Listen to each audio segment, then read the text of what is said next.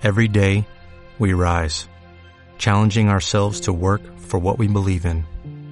At U.S. Border Patrol, protecting our borders is more than a job, it's a calling. Agents answer the call, working together to keep our country and communities safe. If you are ready for a new mission, join U.S. Border Patrol and go beyond. Learn more at cbp.gov/careers. Noticiesdelta.cat, el butlletí informatiu de Ràdio Delta, amb tota l'actualitat de Deltebre.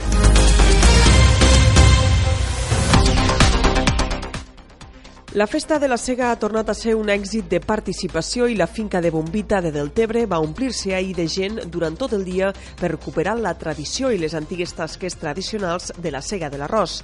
L'alcalde de Deltebre, Lluís Soler, ha celebrat la gran afluència de visitants que participen any rere any de les festes tradicionals de l'Arròs i de les activitats complementàries que s'hi organitzen.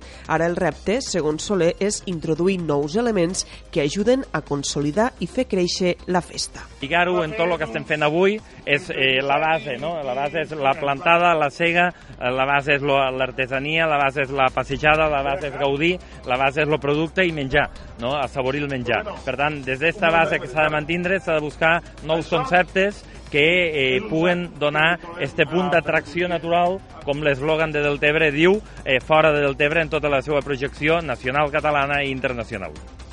Durant la jornada d'ahir es va organitzar diferents activitats a la finca de Bombita, des de representacions teatrals, passejos en barqueta de perxà i carro, cantades i ballades de jota, així com degustacions gastronòmiques i un mercat de productes artesanals. En la festa també va participar ahir la delegada del govern espanyol, Teresa Conillera, que va expressar el seu suport al sector agrícola i es va comprometre també a treballar per les problemàtiques del territori, com ara la regressió del Delta de l'Ebre.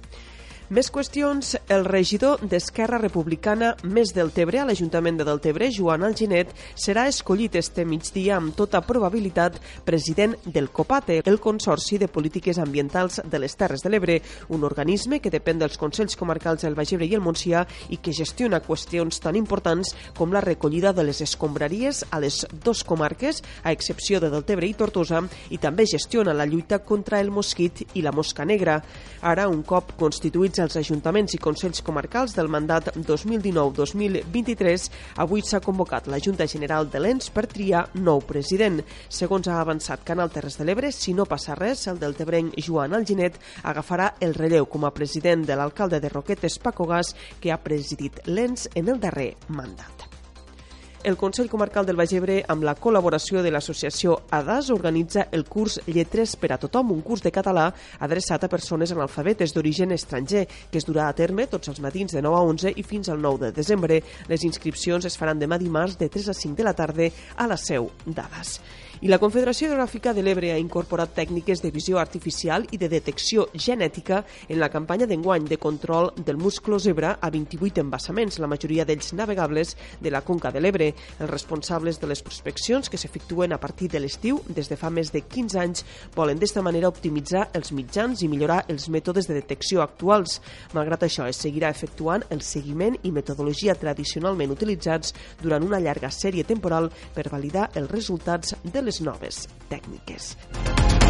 Ens ocupem ara de la informació esportiva. L'Strongman de Deltebre, Joan Ferrer, no ha pogut mantindre el liderat de la Lliga Nacional de Força després de la darrera prova del campionat disputada este dissabte a Conca de Tarancón i en la que va quedar segon per darrere del tricampió d'Espanya Roberto Rodríguez.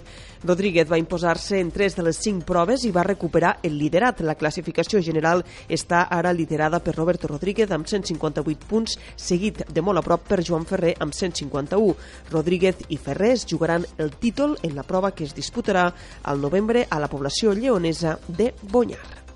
Pel que fa al futbol, victòria de la Cava 1-0 davant la Rapitenca B amb gol de Manelet i empat in extremis 4-4 del Jesús i Maria que va rebre al Batea al camp de l'AUB. Els bateans van avançar-se fins a dos cops al marcador i a 3 minuts del final Sergio Ruiz va marcar el 4-4 definitiu.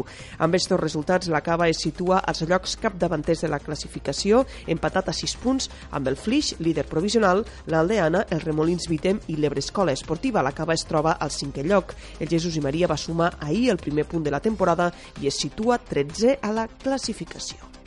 Això és tot per ara, ja saben que trobaran més notícies de Deltebre, com sempre, al portal deltacat.cat.